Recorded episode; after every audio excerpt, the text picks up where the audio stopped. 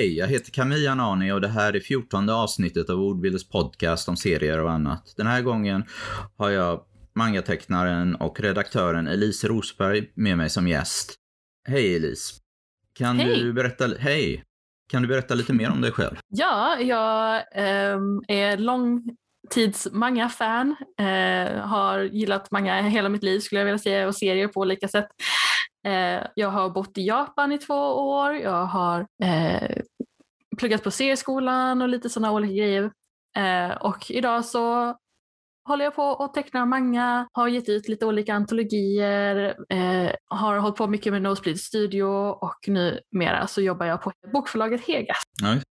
Vad var det som, eh, liksom, vad, vad var din introduktion till eh, serie eller mangavärlden? Började det direkt med manga eller var det bara några andra serier liksom, som, som var din liksom, Ja, ingång?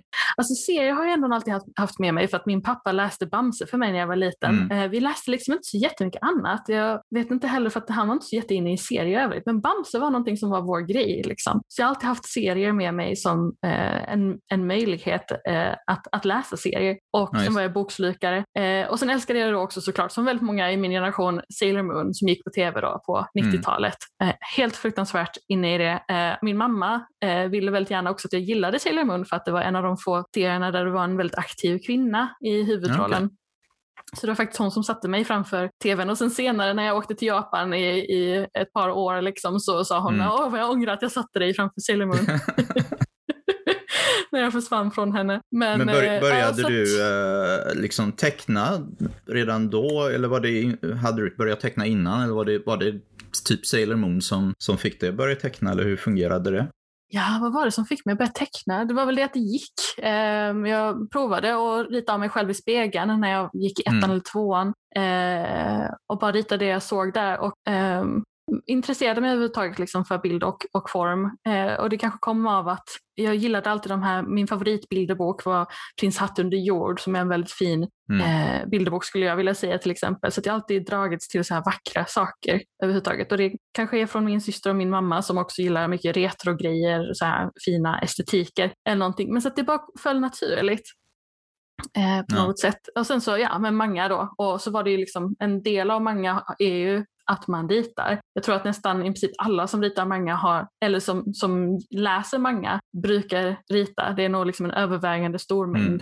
av de som läser manga regelbundet som också ritar det. Eller, sen på olika nivåer, om det så är det lite fanart eller, eller ifall de faktiskt vill någonting mer med det så är det olika såklart. Men Ja. jag ser det som ett genomgående tema verkligen. Bör- Började det direkt som att teckna serier eller var det bara bilder i början? Jag, jag, gjorde några väldigt eh, intressanta serier redan från början. Ja. Mm.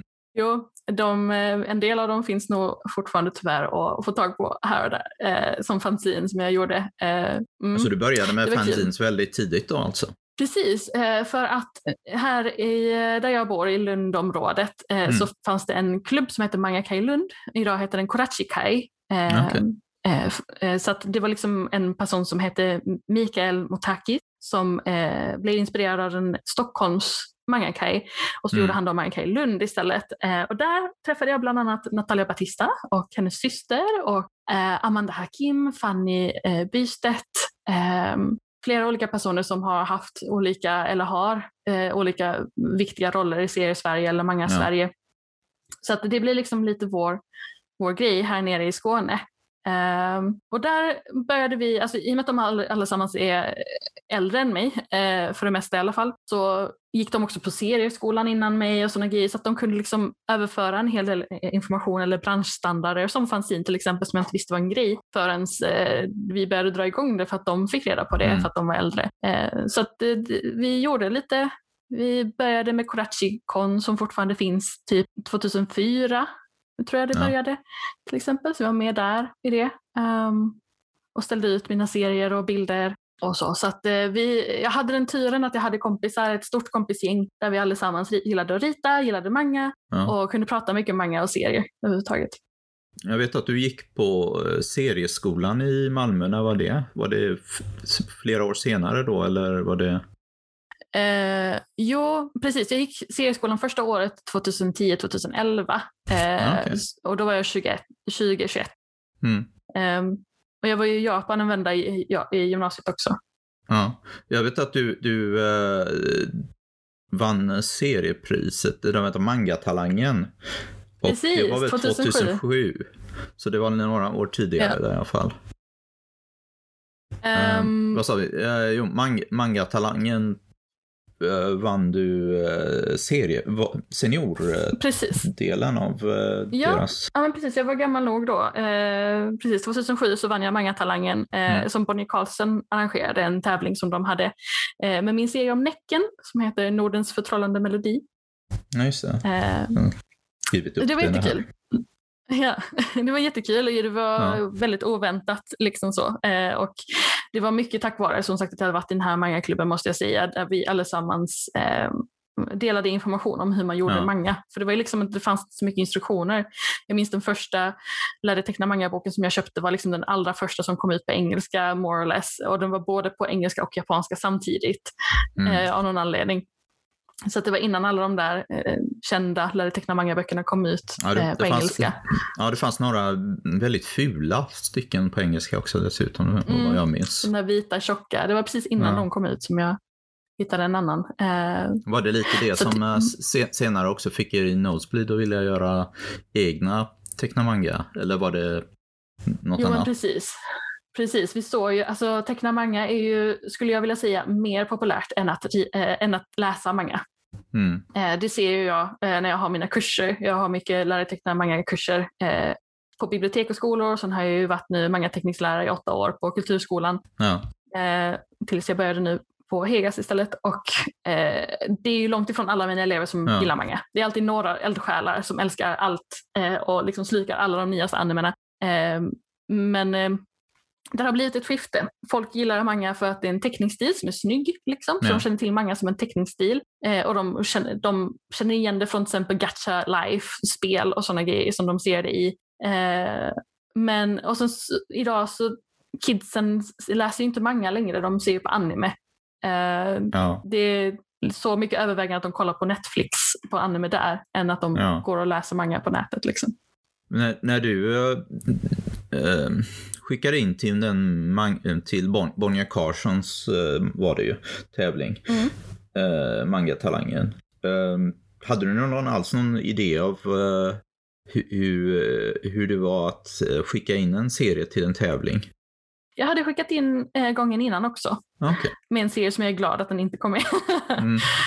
Den, var, Um, den var bara tre år, eller hur? Det var inte mer än det? det två år till och med. Mm, Var det bara två? Det var bara två gånger. Jättetråkigt att de la ner det så snabbt. Eh, Det skulle ju vara en eh, tredje gång. De hade till och med satt ett datum och börjat få bidrag och sen så precis typ, jag vet inte om det var när, när eh, deadline redan var Mm. förbi eller någonting, eller om det var precis innan, så la de ner det och sa att vi kommer inte ha det. Ehm, Så det var väldigt sorgligt. Jag skulle vara med i juryn då för tredje omgången eftersom jag vann andra omgången. okej. Men det blev ju inte. Men vad, kände du väldigt bekräftelse då när du, du vann den priset där? Gud ja. ja, herregud. Det var ju så jag sen, eh, för det var 2007 och sen så 2008 Mm. så åkte jag till Japan i ett år. Eh, vilket var lite, men å andra sidan så många var redan på eh, nedgång då så det kanske inte gjorde så mycket. Men eh, då under det året när jag var i Japan så fick jag skriva en kolumn i Shoujo Stars. Eh, Ja. för att jag åkte till en gymna- en gymnas- gymnasieskola i Japan, i Osaka, eh, och hade på mig skoluniform och gick på en flickskola och hela köret liksom gick på en riktig high school där. Liksom. Och, eh, så jag fick skriva i Shoujo Stars hela det året. Det var Mm. jättekul. Nej, det, var, det måste ha varit li, li, ändå lite chock att komma tillbaka till Sverige och så var typ när alla, de flesta mangarna nedlagda i Sverige. Ja. ja, det var jättesorgligt och jag, var, jag gick nog omkring och eh, eh, kunde inte acceptera det i många år efteråt måste jag säga. Man trodde ju Mm. att det bara skulle gå uppåt och uppåt och uppåt eh, och att det skulle bli en självklar del i Sverige och jag såg alla de som var äldre än mig Eh, som Lisa Medin och Steph Gaines och alla de här eh, som jag började lära känna, Åsa Ekström etc.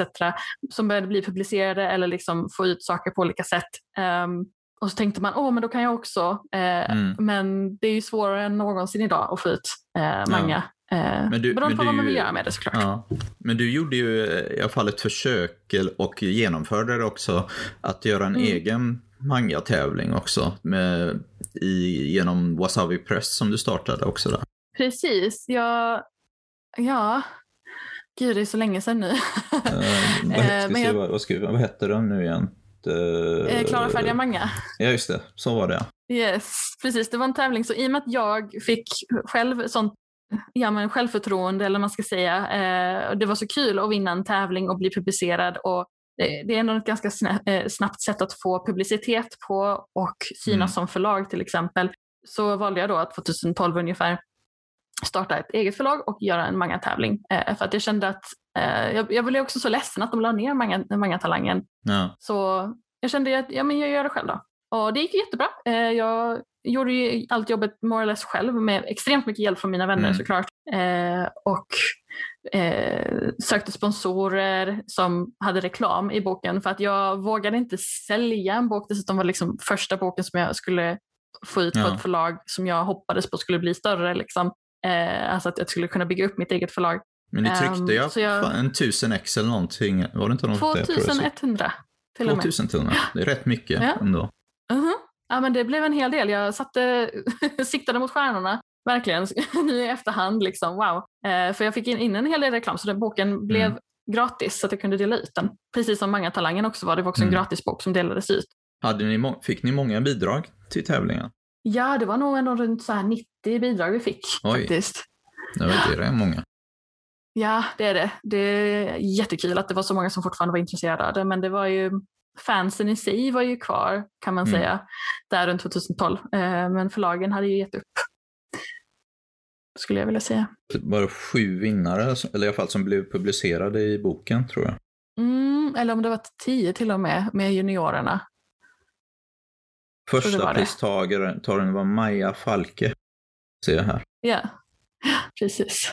Det, mm, han är jätteduktig. Eh, jobbar numera med spel Ja. Faktiskt. Att det är många som, och han blev också upplockad till eh, Kolik sen, till deras, vad heter den, Utopi-tidningen.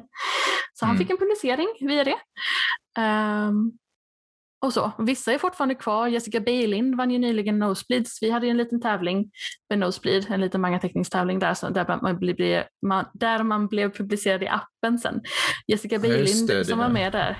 Ja, jag minns I, att äh, också. Ja. Nathalie pratade om det när, när jag prat, intervjuade henne för förra ja. året. Ja, det var ett tag sedan i alla fall. Men, ja. Så jag, sa jag? Ah, Okej, okay, förlåt.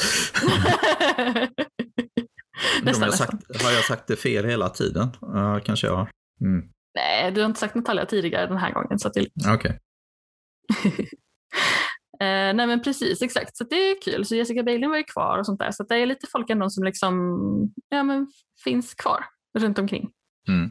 Men uh, det, det gick inte så, så lik, riktigt så långt som du ville i alla fall med, med det förlaget. Ni fick, du fick uh, gå vidare efter ett tag. Mm, ja men precis. Det, jag insåg lite efterhand, Natalia hjälpte ju till med eh, Wasabi Press en del där ett tag. Eh, tävlingen och så gjorde jag mycket själv men hon var ju med i juryn till exempel och så verkligen min mm. mentor för det hela. Så efter ett tag så insåg vi att ja, men det jag vill göra med, för min dröm har alltid varit att ge ut manga. Eh, och jag vet ju hur svårt det är men jag var väldigt och är fortfarande kanske lite blåögd att jag tycker att det borde kunna funka på något sätt. Eh, men Nosebleeds idé med, är mer att ge ut eh, bra tecknare överhuvudtaget, ja. om de är från Japan eller whatever, spelar ingen roll, men med manga-stil. Och eftersom japanska förlagen är så pass eh, svåra att få kontakt med så är det kanske bättre att, att publicera europeiska manga till exempel. Ja. Och det är ändå en extremt hög kvalitet på dem. Så att, eh, jag insåg lite att efterhand att eh, det kanske ändå var bättre att försöka göra de här grejerna i Nosebleed. Så jag har fortfarande inte riktigt upp mina, mina drömmar om att ge ut manga i Sverige igen. Ja. Eh, men vi får se när det kan gå. Liksom. Ja, jag, jag, har ju, jag har pratat om det tidigare men eh, ja, det var inte lätt för ordbilder heller typ till japansk manga utan vi fick ju mm. gå rundor och rundor och saker som föll samman massor av gånger och sen började ge ut vanliga textböcker från Japan istället ett tag och så på något mm. sätt bygga upp relationer sakta och så gick det till slut och sen Visserligen fick vi, gick det inte liksom prata med de stora förlagen men det, det gick ju att ge ut japansk manga till slut i alla fall. Mm, ja, precis, när jag lyssnade på episoden där du berättade om det. Och det är ju bara, ja, eh, vi får se vad som händer framöver helt enkelt. Kanske de japanska förlagen kan bli lättare att prata ja. med framöver. Vi får jag se. menar, det går, det går ju rätt bra för manga i USA, även om mm. marknaden är helt annorlunda i Sverige. Det, det ja, men i Frankrike riktigt. och Tyskland och Italien också. Det Ja. känns ju som att det borde, jag menar Finland gav ut manga, jag vet inte om de fortfarande kanske ger ut manga dessutom. Det, Mm. det, det känns som att det borde gå. Och det, ja. Till exempel hade Demon Slayer, jag vet Shueisha, jättesvårt förmodligen få tag på den licensen, men hade Demon Slayer börjat komma ut tidigt, den är bara 24 volymer eller vad det är. Ja. Eh, gud vad stor den hade kunnat bli. Eller My Hero Academia, men den är ju en sån långkörare såklart, så den har ju sina problem. Men Demon Slayer blev ju avslutad. Liksom. Alltså det, det finns titlar som hade vi bara kunnat Ja. få ut dem så hade de fortfarande blivit extremt stora. Det, mina elever hade ju Mm. slukat och de, de läser ju tyvärr så mycket manga på engelska. När de, när de väl läser manga så är det ju på engelska och så är de nio Ja. år gamla och försöker kötta sig igenom en manga på engelska som de har läst på sitt stackars bibliotek som har fått köpa in de engelska volymerna istället. Och det är bara så hjärtskärande. Liksom. De hade kunnat få det på svenska. Ja, ja, det är lite synd. Det är lite märkligt Mm. det där med Demon Slayer. Jag tyckte att eh, de, de visar ju bion, filmen på bio Mm. nu också. Mm. Men jag tänkte den där filmen måste man ha sett hela serien för att liksom fatta någonting antar jag. Så liksom, tyckte det var lite märkligt. Precis, Men, jag gick eh, och såg den. Eh, jättebra, men absolut, det var ju en fortsättning på tv-serien. Så att men det är kul, det är ju vissa eldsjälar som försöker få ut anime på bio i Sverige. Ja. Det är kul att de Men lyckas. eh, var din... Eh, var det i, i sammanhang med att efter att eh, det inte gick så bra med Wasabi Press som du gick med i Nosebleed? Eller var det... Mm. Precis, vi mergade väl in mig i, i Nosebleed kan man säga. Mm. Ehm, och så började vi bygga upp det istället. Och det går ju jättebra för Nosebleed så det är Ja. jättekul. Men ni hade också, du och eh, Natalia, eh, någon, någon eh, vad heter det, nätforum eller någonting som ni försökte eh, få, få igenom som, in, som eh, verkade Mm. väldigt intressant. Med Mm. liksom, eh, skulle vara manga, anime och lite av andra sådana här kulturgrejer tror jag. Precis, det fanns ju BC-manga då på den tiden när Mm. manga var som störst i Sverige och det var ju jätteroligt. Det var många som hittade och alla är så nostalgiska eh, över BC-manga som är liksom, det var ett anime-manga-forum eh, för kidsen. Men det var liksom på den här tiden då olika plattformar kunde finnas om man var på många olika sidor samtidigt eller det kom upp nya och så switchade man över ganska mycket. Eh, sen då runt, eh, efter att jag hade gett ut den tävlingen, eh, eh, tävlingsboken liksom, så började vi fundera på andra saker vi skulle kunna göra. Eh, och då gjorde vi, eller vi ville göra en hemsida för Mm. manga eh, som skulle vara väldigt fokuserad på att det skulle vara ett konvent på nätet, så det hette ju Nonstopcon. Eh, och det skulle vara ett konvent på nätet helt enkelt. Så att när man var på konventen, alla hade super, super roligt. Alltså konventen var ju större än någonsin då. Vi bara såg att det blev mer och mer och större och större. Så Ja. tänkte vi liksom att när konventen var över så kunde man gå på, på nätet istället och snacka med folk. Men jag tror att eh, på den tiden när vi började göra den här sidan eh, så insåg vi också att det, det, alltså som det är idag, man är på Facebook, Twitter, Ja. Ki- kidsen är på TikTok och Snapchat. Man är inte någon annanstans. Man hittar sina sammanhang på en plattform som också har andra grejer. Det är inte som att man går till en plattform längre för att just få en specifik eh, grej eller för ett specifikt ehm, ämne som man är intresserad av Mm. längre. Jag, att, jag, jag tror att det även den där äh, amerikanska, vad heter den, Anime News Network, ja, tycker mig att kolla på den ibland och jag tycker mig märka att det är mycket färre kommentarer på den nu för tiden Mm. också. Det är någon så, så får pass stor. sina, precis, de får ut det där på andra sätt. Man är i, kanske i grupper på, på Facebook istället, det är väl vår generation, eller så typ, typ följer man vissa tecknare eller vissa eh, influencers på Instagram istället och så får man in sin information därifrån eller så kommenterar man i kommentarsfälten där eller så. Det här med att vara i grupper med främlingar på nätet, det är något Mm. som, som barnen idag inte är lika mycket som vi var, min generation, märker jag, utan de är ju med sina kompisar på Snapchat eller sina kompisar på Instagram. Eh, eller ja, men hitta lite sammanhang kanske på Instagram helt enkelt på något sätt. Men Ja. det är intressant, det är ett annat sätt att vara på internet på. Man är inte på massa forum längre, så som vi var. Ja. Men eh, så, när du började st- studera teckna på, på serieskolan och så, Mm. du, vad, vad kände du att du lärde dig av det? Liksom, var, var det gav det dig någonting i slutändan att, att studera mer än det kunde ha gjort på egen hand så att säga? Finns det ett behov av en serieskola känner du? du, det, Ja, du men det är väl det som- det. Ja, men det tycker jag. Det som alla brukar säga är väl att man kommer in i branschen mycket mer. Man får reda på branschen mycket mer. Mm. Man lär känna lite nyckelpersoner eh, och det är mycket grejer som kan ledas därifrån. Och jag menar förlagen har ju koll på serieskolorna också. Eh, så att är det någon nykomling som verkar lovande så plockar de ofta dem från serieskolan. Mm. Det har vi sett många gånger. Eh, så på så sätt så är det väldigt, lätt, eh, väldigt bra sätt att bli upptäckt på men också lära sig hur eh, branschen funkar. Sen rent liksom teknikmässigt och så, så är ju vanliga serier och manga relativt långt bort från varandra. Alltså det beror på vad man, vad man vill åstadkomma såklart men eh, det mesta manga-teknikerna lärde jag mig på egen hand. Men mm. de har, har, också mycket gästföreläsare. Vi hade en manga-tema-vecka till exempel. Jag tror det var Åsa Ekström som vi hade faktiskt när hon fortfarande bodde i Sverige som kom och lärde oss lite manga i en vecka eh, eller två och då fick liksom alla testa på att göra manga-formatet. Eh, mm. och så så det, det, var ändå en lärorikt skulle jag vilja säga. Och det, men nu var det länge sedan jag gick på C-skolan så det kan nog egentligen inte säga någonting om deras kvalitet idag med vad man lär sig. Men ja. jag tror att det som är oförändrat är att man kommer in i branschen mycket lättare och får reda på vad som händer där. Men du, du har eh, tecknat mycket eh, serier till antologier. Uh, vad heter den? Comic... Var det Sin? Comic Sin, Swedish Comic Sin var jag med i två gånger.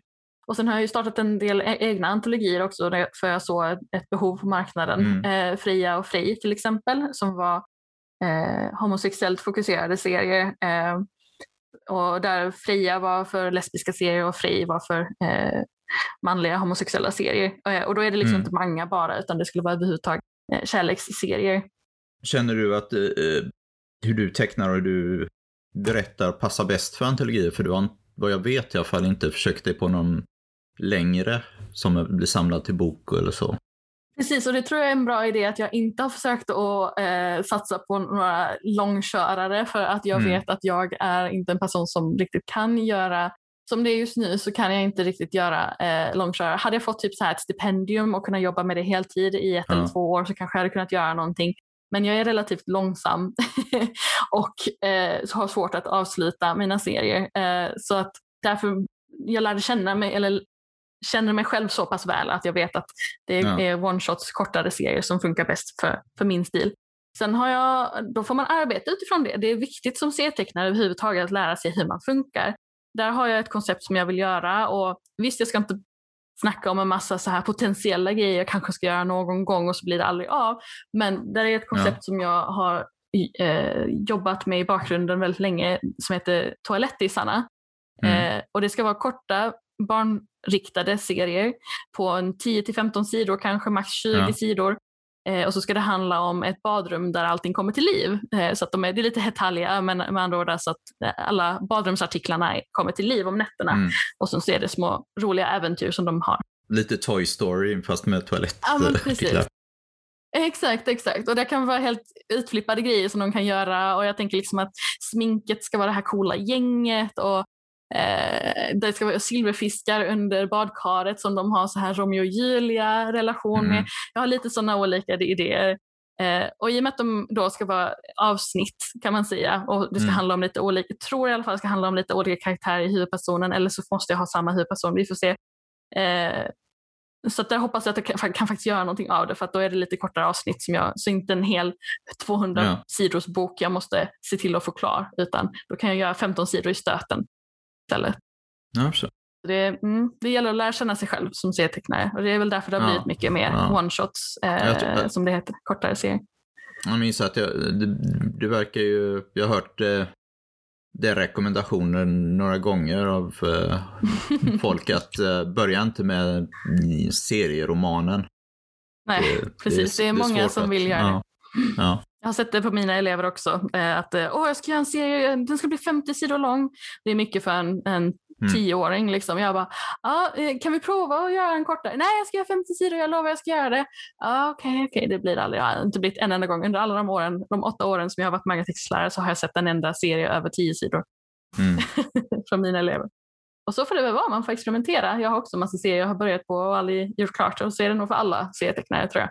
Ja. Det är okej. Okay tänker jag. Tycker du att du har en, en, en viss stil i, ditt, eh, i, din, i din teckningsstil? Så att det, det här är min stil och att det, det märks. Det här är min stil. Åh, oh, gud, det är väl så svårt att säga själv om sina egna serier. Uh, men uh, jag hade ju en stil som var väldigt, väldigt nära Arina Tanemuras eh, stil och det var ju med meningen, eller man ska säga, jag härmade mm. hennes stil extremt mycket. Eh, och sen har den ju växt därifrån skulle jag vilja säga. Ehm, jag gjorde ju senare, den senaste antologin som jag gjorde var ju Golden Garden och den var ju fokuserad mm. på att härma 70-talsstilen eh, som de hade i många på 70-talet. 70 och början av 80 typ. Och det var jättekul och jag älskar verkligen de här gamla serierna. Eh, Takemiya Keiko, eh, Hagiomoto etc. etc. Eh, jag var ett stort fan av Candy Candy för min syster hade den på VHS. Eh, och så så att, eh, det var jättekul. Jag älskar att härma andra stilar faktiskt. Eh, så min egen stil har väl blivit en slags mix mm. av allting som jag ja, har läst skulle jag vilja det, säga. Det, det, det, verkar som det, det brukar ju börja med att man härmar och sen tar det lite tid och sen kommer någonting ut naturligt som är annorlunda. Mm. Och sen byter man. Jag har ju provat olika stilar i typ alla mina serier skulle jag vilja säga. Eh, om man tittar på min serie i, mm. i Freja till exempel som handlar om sjöjungfrur så har jag försökt att ändra om ögonen lite där till en stil som de har ju mycket mer så här typ att det är vit fläck i mitten av ögat numera, typ Demon Slayer har också det eh, många gånger. Så att jag provade den till exempel och så. Så det är kul att testa lite olika stilar. Det kanske är det som är så skönt med att göra kortare serier också, att man får testa lite olika stories. Eh, behöver inte committa till en jättelång grej som ska funka och som ska mm. vara i exakt samma stil rakt igenom hela. Det är inte helt lätt faktiskt. Men du, du har också arbetat mycket som redaktör i, på de här uh, antologierna och så. Själv ordnat mm. dem om jag förstått rätt. Var det något precis, som, ja. som lockade dig tidigt? Ja, men jag, jag läste ju förlagskunskap, eh, förlags och bokmarknadskunskap på Lunds universitet cirka mm. 2015, 16 eller vad det var. Um, och sen senare kandidatkursen också. Uh, för att jag just insåg, i och med den tävlingen som jag gjorde, Klara färdiga många, uh, så insåg jag att jag gillar verkligen att projektleda böcker uh, mm. och ge möjlighet för andra att synas också. För att jag jag insåg också att jag gillar att göra manga, jag gillar att teckna manga, men jag gillar lika mycket att läsa andras manga. Eh, ja. Det är inte som att jag måste eh, bli mangatecknare och endast det i mitt liv, utan jag älskar att göra bra historier och hjälpa andra med deras historier. I och med att jag också var mangateckningslärare och sånt så eh, tycker det är jättekul att hjälpa andra att utveckla deras serier. Ehm, så där fick jag förlagskunskap också och sen så gjorde jag de här, här olika antologierna för att jag ville ge andra också möjligheten att kunna komma ut. För jag såg att det blev svårare mm. och svårare för folk att komma ut, speciellt folk som inte hade vissa sorters seriestilar. Ehm, och blev också inspirerad såklart av att Natalia Batista gjorde hela den Swedish Comics sin antologiserien. Så de antologierna som jag gjorde sen, det är lite samma grej där att eh, allesammans som gör en serie går in med en liten summa pengar och sen så trycker man boken mm. så får man sälja den och sen så får man behålla mellanskillnaden.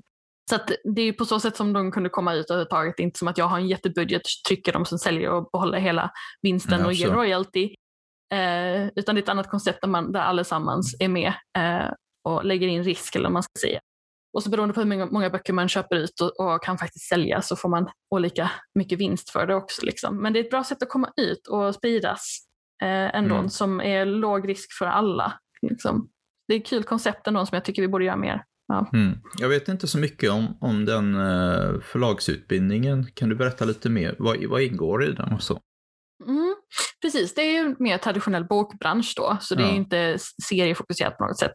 Eh, utan det är eh, en kandidatkurs eh, eller så. Det blir en kandidatexamen av det. Eh, så det är ett år grundkurs, grund, grund och mm. fortsättningskurs och sen så är det en kandidatkurs i slutet. Och då får man ju ha läst eh, ett och ett halvt år av någonting annat också som man lägger in. Okay. Ehm, så då läste jag barnlitteratur i ett år för att jag ville få mer den här vanliga bok, bokfokusen också. Mm.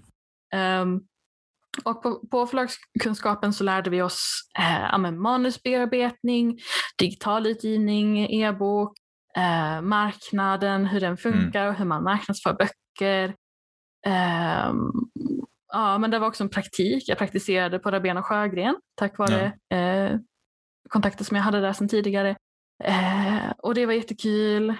Uh, praktiken är liksom väldigt, väldigt viktig för att komma in. För de har ju en förlagsutbildning i Stockholm också. Mm. Uh, som är på masternivå i ett år istället. Uh, Och där har de också väldigt mycket studiebesök och sådana grejer. Det hade vi också, jättemycket studiebesök. Så det, fin det finns i princip bara de här två utbildningarna. Det är lite intressant, alltså förlagsbranschen, den vanliga bokbranschen är ja. eh, så intressant för att det, kan vara nästan vem som helst som kommer in och blir redaktör. Skolbibliotekarier som blir redaktörer eller journalister eller svenska lärare. Man behöver inte ha, det är en av de få branscherna där man inte behöver ha en förlagsutbildning för att faktiskt jobba på förlagen senare. Mm. Så det är ganska intressant bransch ändå. Och det blir, ja. ja. det blir väldigt stor skillnad på olika de människorna som jobbar där. Det är väldigt, jag tror det är givande faktiskt för den branschen. Mm. Jag förstår. Det låter intressant. Mm. Ja. Du, du var, eh, höll på ett antal år eh, inom Nosebleed också, men, men du valde mm. till slut att lämna den delvis i alla fall om jag har förstått. Mm. Eh. Jag tog en paus i ett och ett halvt år eller så. Eh, för att jag behövde tid för mig själv eh, mm. helt enkelt. Jag jobbade på ett par jobb som jag inte trivdes särskilt jättebra på. Eh, för jag har jobbat så mycket deltid och dubbla jobb och och ha massa projekt samtidigt. Det, det började bli för mycket lite med allting jag höll på med samtidigt. Ja. Um, eh, så att jag var tvungen att ta ett steg tillbaka i Nosebleed och det var frågan ifall jag skulle lämna helt och, och ja. så. så att, men eh, sen kom jag tillbaka eh, för att de ville göra en specifik satsning som jag kände var väldigt relevant för mig att vara med på. Det var den här eh, japanska mangan eller, som de har i sin app då eller? Exakt, exakt. Så Nosebleed utvecklade ju en app där man kan läsa vår backlist. Eh, mm. Bland annat och sen så de nya serierna som kommer ut också. Men det är ett bra sätt att inte behöva ha precis allting i tryck hela tiden utan att man kan faktiskt läsa våra gamla serier också i appen.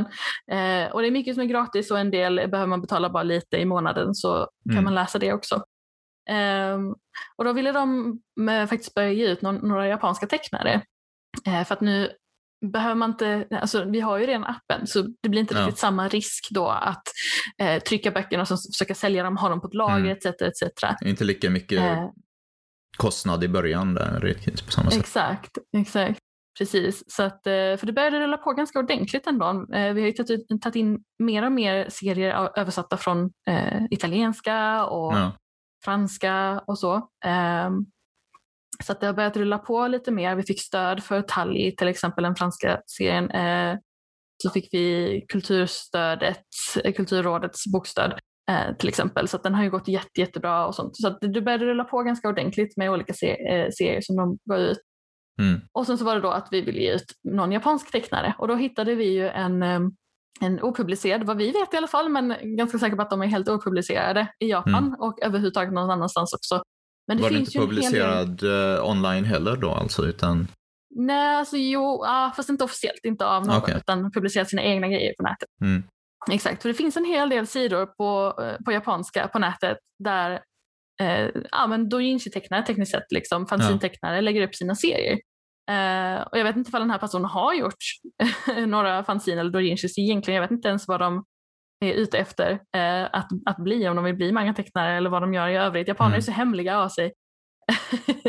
Men eh, vi hittade i alla fall den här, den här personens eh, serie på en sån sida där amatörer kan lägga upp sina serier och tyckte att den var superduper jättebra. Och eh, så många japaner är ju liksom publiceringsvärdiga även ifall de aldrig mm. har blivit publicerade. Men det är ju verkligen det är verkligen bara toppen av eh, de allra bästa tecknare just, eller de allra bästa storytellers ja, som kommer ut. Just denna serien var väl någonting om en, en vampyr eller någonting. Jag har bara sett bilden och sett, läst kort visserligen. Precis, Vampire vs Zombie heter ja, just det, så var det. Eh, zombies. Eh, precis, det är en jättedålig serie om en vampyr i en värld där typ alla håller på att bli zombies basically. Så vampyren vet inte riktigt vem han ska suga blod av längre för att alla håller bara på att mm. bli zombies runt omkring honom. Och zombieblod smakar verkligen inte gott. Eh, så det blir en jätterolig dynamik där. Ja, det är lite komplicerat och eh, han har typ ingen att snacka med för alla är zombies. Mm. Eh, och sånt här. Så det är bara en lite galen och rolig serie mm. som Men, vi med en gång fastnade för. Var din eh, huvuddelen av din inblandning i, i det här det pro projektet kontaktet med, med den här mangatecknaren och, och eh, ordnandet av kontraktet och så?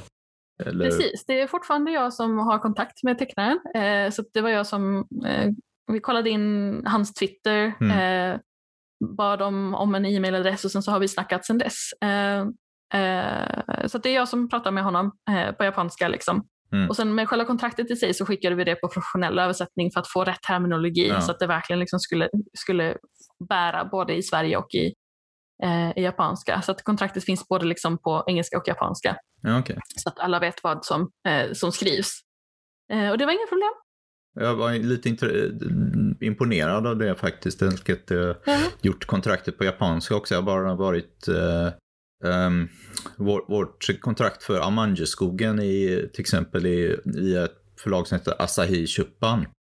Och de Mm. insisterade att kontraktet skulle vara på japanska. Som tur var så var det Ah. inte jag som fick skriva det utan de skrev det. Men ändå liksom, Mm. fick man sitta och läsa affärs eh, och, och eh, japanska för att fatta vad de sa i kontraktet.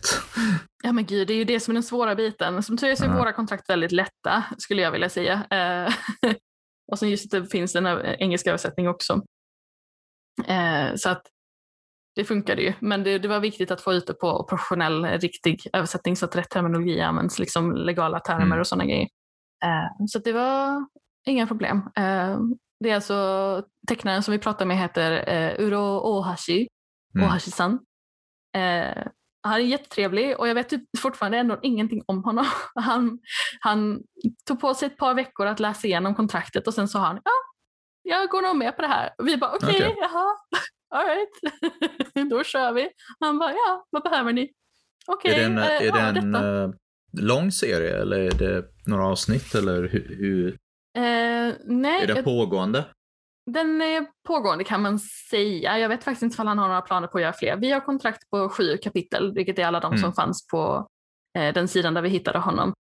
Eh, och sen så får vi se helt enkelt ifall vi ska göra kontrakt för fler eh, kapitel. Mm. Vi, den är ju så pass rolig så att, och liksom eh, kan vara för en bred publik skulle jag vilja säga. Så att jag hade nog gärna velat se mer. Eh, Mm. Men vi får se. Det beror på ifall han gör mer. Och vi vill ju också väldigt gärna som ni med jordbilder också satsa på serier som är avslutade egentligen. Eller som vi ser ett slut Det- med dem. Och den här Det, det är enklare. serien- Jag, jag kan säga att eh, ehm, vi började till exempel ehm, Rans magiska värld långt innan Mm. den var färdig. Och liksom Mm. bara satt och bävade på var den var på väg någonstans. Lite. Precis, det är ju det. Det är ju verkligen det eh, som är det läskiga med det där. Så, um, men saker kommer upp så, så snabbt på engelska. Vi var också nervösa att Mm. mm. Ohashi-san skulle bli upplockad. Eh, så att vi vågade bara göra kontrakt för de här sju kapitlen just nu. Mm. Så får vi se ifall det blir mer sen. Men där är liksom ett slut, eller man ska säga, den, den känns Ja. okej, även om det skulle bara bli de här sju kapitlen. Har, har ni planerat också en tryckt utgåva av den eller bara digital? Inte som det är just nu. Vi satsar på att försöka göra lite mer digitala, digital only liksom, eh, serier också. Så får vi se, för vi vill trycka den i tryckt format men då blir det ju liksom ett annat, eh, ett annat kontrakt igen. Större projekt överhuvudtaget, större risk och så också. Så vi får se vad det blir lite. Jag ville också gå tillbaka till en liten grej i eh, eh, under tiden på Notesplit. Jag tror vi nämnde det lite om de här uh, teckna manga-böckerna. Jag tyckte de, Mm. de, de var ju intressanta för de var också väldigt eh, kroppspositiva och lite Mm. annorlunda än, än, än tidigare manga-teckningsböcker som man har sett i, i Sverige och mycket utomlands också. Jag, jag inte kan så mycket om de utländska utgivna. Ja men precis, det var ju det vi såg att eh, det var liksom, alternativet var att kanske översätta någonting från något annat språk. Men vi såg att det fanns ett behov som inte var täckt riktigt i andra lärare teckna manga-böcker, vilket var liksom att få ja, men ha lite mer olika eh, kroppspositivitet, eh, folk som med funktionshinder till exempel. Mm. Utan det var liksom, ah, här har du en smal person och så här ser alla tjejer ut och så, så har du en annan smal person och så här ser alla killar ut som är så här, vad som är normativt eh, attraktivt. Och det var liksom bara Mm. de, den typen av karaktärer. Och manga är ju ofta så, så det är inte så konstigt att eh, de flesta andra lärare teckna manga-böcker är på det sättet att de lär ut de här väldigt stereotypa eh, eller normativa kropparna och ansiktena, utseendena där de är Ja. eh, normativt attraktiva. Det har vi ju också med såklart, men vi tänker att det finns lite mer variation man skulle kunna få in ifall man speciellt om vi publicerar en lära teckna manga-bok på svenska för en svensk publik, där är ingen japan som ska se den här egentligen. Ja. Som, de är inte intresserade av den. Eh, och det är svenska tecknare som ska plocka upp de här böckerna och göra svensk manga. Då finns det ingen anledning att hålla sig till den japanska standarden egentligen. Så det är därför vi såg att men vad, är, vad är det egentligen den svenska, eh, de svenska tecknarna, de svenska läsarna vill ha. Ja. Eh, och det är därför vi alltid har med det här när vi gör serier också, Penguin Rumble och sådana här grejer också. Att eh, göra sådana saker som inte japanerna brukar göra eller kan göra. Mm. Det finns ingen anledning för oss att göra exakt samma sak som japanerna. Japanerna gör japanska grejer bäst. Så vi behöver ju, inte göra exakt samma sak. Det är ju mycket av utseendena som, som jag har förstått som också har väldigt kulturella och historiska bakgrunder. Som jag, jag minns att jag blev lite fascinerad mm. av hur anledningen till att eh, shoujo-män såg ut som sådär på ett väldigt speciellt eh, sätt på typ 70-talet och i den där, vad heter Rosa Versailles berodde på den här mm. eh, filmen med, med, vad hette den nu igen? Någonting med Venice. Det var en svensk skådespelare eller någonting i. Som, som var, som, eh, vad heter det, så, så ansågs vara underskön, hade långt hår och väldigt smal sådär. Så liksom, och ja. uh, han ty tydligen gick liksom rundor som en idol typ i Japan också efter ja. det. Och uh, det blev liksom eh, standarden för så här ska shoujo-killen se ut ungefär. Mm. Under massa år Speciellt när de är utanför Japan så ser alla killar ut så såklart. Europeiska männen ser ut så. Mm. Jag tror jag har hört om det någon gång. Jag kommer inte ihåg heller vilken film det var. Jag säger, jag säger, säkert fel om vilket land han kom från och allt möjligt där och kommer inte ihåg vad filmen hette ordentligt men det, det, var, det var lite roligt. Det som det tydligen mm. ska det komma en dokumentär också om, eh, om just den, den eh, skådespelaren. Så typ the Most beautiful boy in the world eller någonting så heter den. någonting sånt där. Eller kanske redan ute. Ja. Men, ja, men, ja. Sånt är så spännande när man hittar sådana grejer. Eh, och, men därför så vi i Sverige får väl rita våra svenska eh, historier och berättelser med våra mer eh, ja, men, svenska, den svenska normen. Ta in liksom mörkhyade personer. Det finns mm. så mycket stereotyper när det kommer till mörka personer i anime och manga tyvärr fortfarande. Eh, och det är för att de är en annan kultur i Japan, en helt annan eh, inställning till det hela, de har en annan historia med det. Eh, det finns ingen anledning för oss att repetera det eh, när Nej. vi gör svenska historier. Är tanken. Ja, det är intressantare och intressantare tror jag Speciellt i början av uh, när mangavågen kom hit så var det mycket mera kopierande och det, det, det intressanta hände ju mm. efter kopierandet slutade och uh, mm. det blev mer egen, egen grej. Mm, ja men verkligen. Speciellt eftersom många tecknare idag i Sverige, alltså de unga personerna som tecknar i manga liknande stil, är så influerade av andra grejer också. De mm. gillar eh, Haspin Hotel till exempel som är en, en animation som finns på Youtube. Eh, och inspireras av det, Steven Universe som var jättepoppis innan eller Owl House som är den stora nu till exempel de tar in många fler influenser och de är inte bara, det finns inte så mycket renodlade manga-fans idag i de yngre åldrarna. De gillar manga också och så gillar de också de här andra sakerna samtidigt. Mm. Så att de får en, en manga-inspirerad stil som, men med influenser av andra saker också. Det är jättespännande, det ska bli kul att se vad som händer framöver ja. i nästa generation. Ja, det, det, blir det ju intressant att se. Jag hoppas serien finns kvar. Vi får ja. se. ja, men Webtoon, det går ju bättre för Webtoon ja. än någonsin. Så att ja, serien kommer finnas kvar i olika, på ett annat format bara helt enkelt. Det, det, är samma som, som om det finns diskussioner, liksom kommer textböcker finnas kvar? Mm. Det vet det man inte, men berättelser kommer, berättelser ja. kommer ju finnas kvar på något sätt. Exakt, annat. exakt. Ljudboken har ju räddat boken på ja. många sätt skulle jag vilja säga. Nu har ju också ljudboken gått, gått om vanliga boken och ja. äh, säljer mer, eller så tjänar man tjänar mer på ljudböcker numera än rent generellt i hela bokbranschen än på de tryckta böckerna för första gången. Um, men som ljudbok är ju också ja. böcker. Liksom. Det är ju böcker. Lite intressant för det är ju en återgång till det gamla sättet att ha berättelser. Liksom någon som sitter vid elden där och sitter och berättar en saga. Mm. Ja men faktiskt, och jag tror att sånt går i vågor också. Vi kommer säkert komma tillbaka till att vi vill ha en fysisk eh, variation någon gång i framtiden igen. Ja. det, det är bara lite nyhetens behag med olika saker. Um, det var ju, jag menar radio blev ju ute där i många, många år uh, skulle jag vilja säga i alla fall. Uh, mm. Folk lyssnade ju på radio med innan tv blev, blev väldigt stort och sen kom tv och tog över väldigt mycket. Uh, men nu idag så är podcasts enormt stora ja. och det finns liksom ra radiodraman och sånt lyssnade man ju inte på där under 2000 kan, till 2000 nyligen typ. Mm. Men sen kom podcasts och hade radiodramor eller har radiodramas som man lyssnar på eller bara pratar, folk som pratar överhuvudtaget som vi är på nu, en podcast ja. liksom. Så idag så kan, inte, kan ju vem som helst göra en podcast. Med andra ord, vem som helst kan göra en radio. Mm. Uh, det är jättespännande, det är kul. Men vi kommer aldrig förlora radio, vi kommer inte förlora tryckta boken, vi kommer inte förlora serier. De kommer bara vara kvar på ett annat sätt helt enkelt. Det nya mm. sättet. Ja, så är det nog. Mm. Men äh, även du har ju gått vidare på ett sätt kan man ju säga. Du är fortfarande teckna serier och så, men du har nu äh, börjat jobba som redaktör mm. på ett, äh, om man ska säga, vanligt förlag i, vanligt i det sättet att det är böcker framför allt. Precis, jag har aldrig jobbat så mycket med text som jag gör nu. Nej men precis, jag lyckades få jobb på bokförlaget Hegas eh, som ger ut lättlästa böcker för eh, ungefär åldrarna 6 till 13 plus. Mm. Eh, och det är jättespännande. De har ju lite seriegrafiska romaner eh, mm. faktiskt som de ger ut som är jätte, jättebra och jätte, jättefina verkligen. Och Hegas hela grej är ju att eh, vara läsfrämjande eh, ja. och ge läslust till ovilliga läsare. Så det är lite spännande för att jag har jobbat med barn som, som gillar att läsa, mm. gillar att läsa manga, se på anime kanske.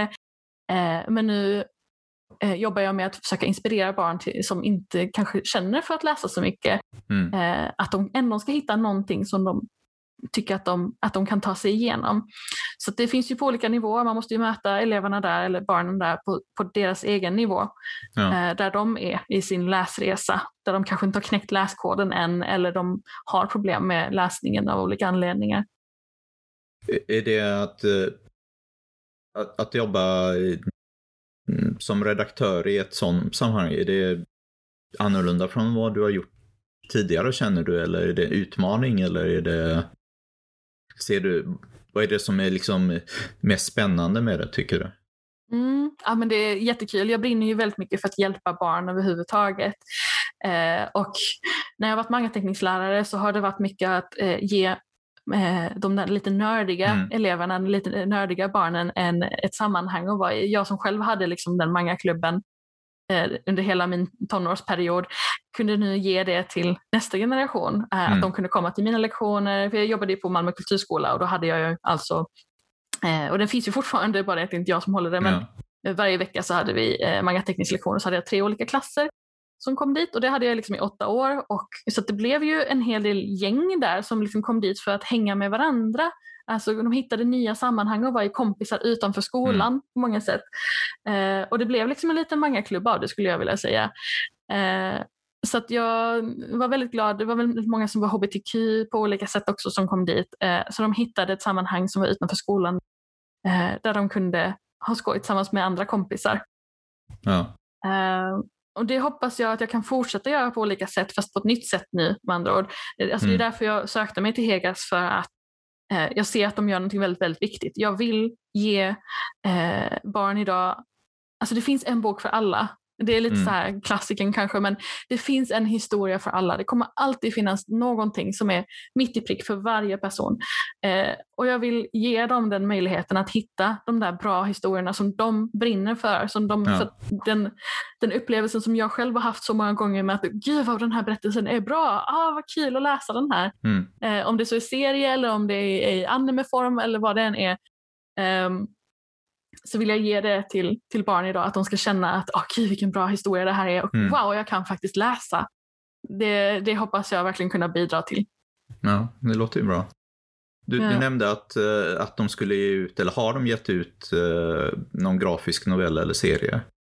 Mm, ja men precis, vi ger ut en hel del skulle jag vilja säga. Alltså, ja, inte jättemycket kanske, men, men en hel del superduperbra titlar.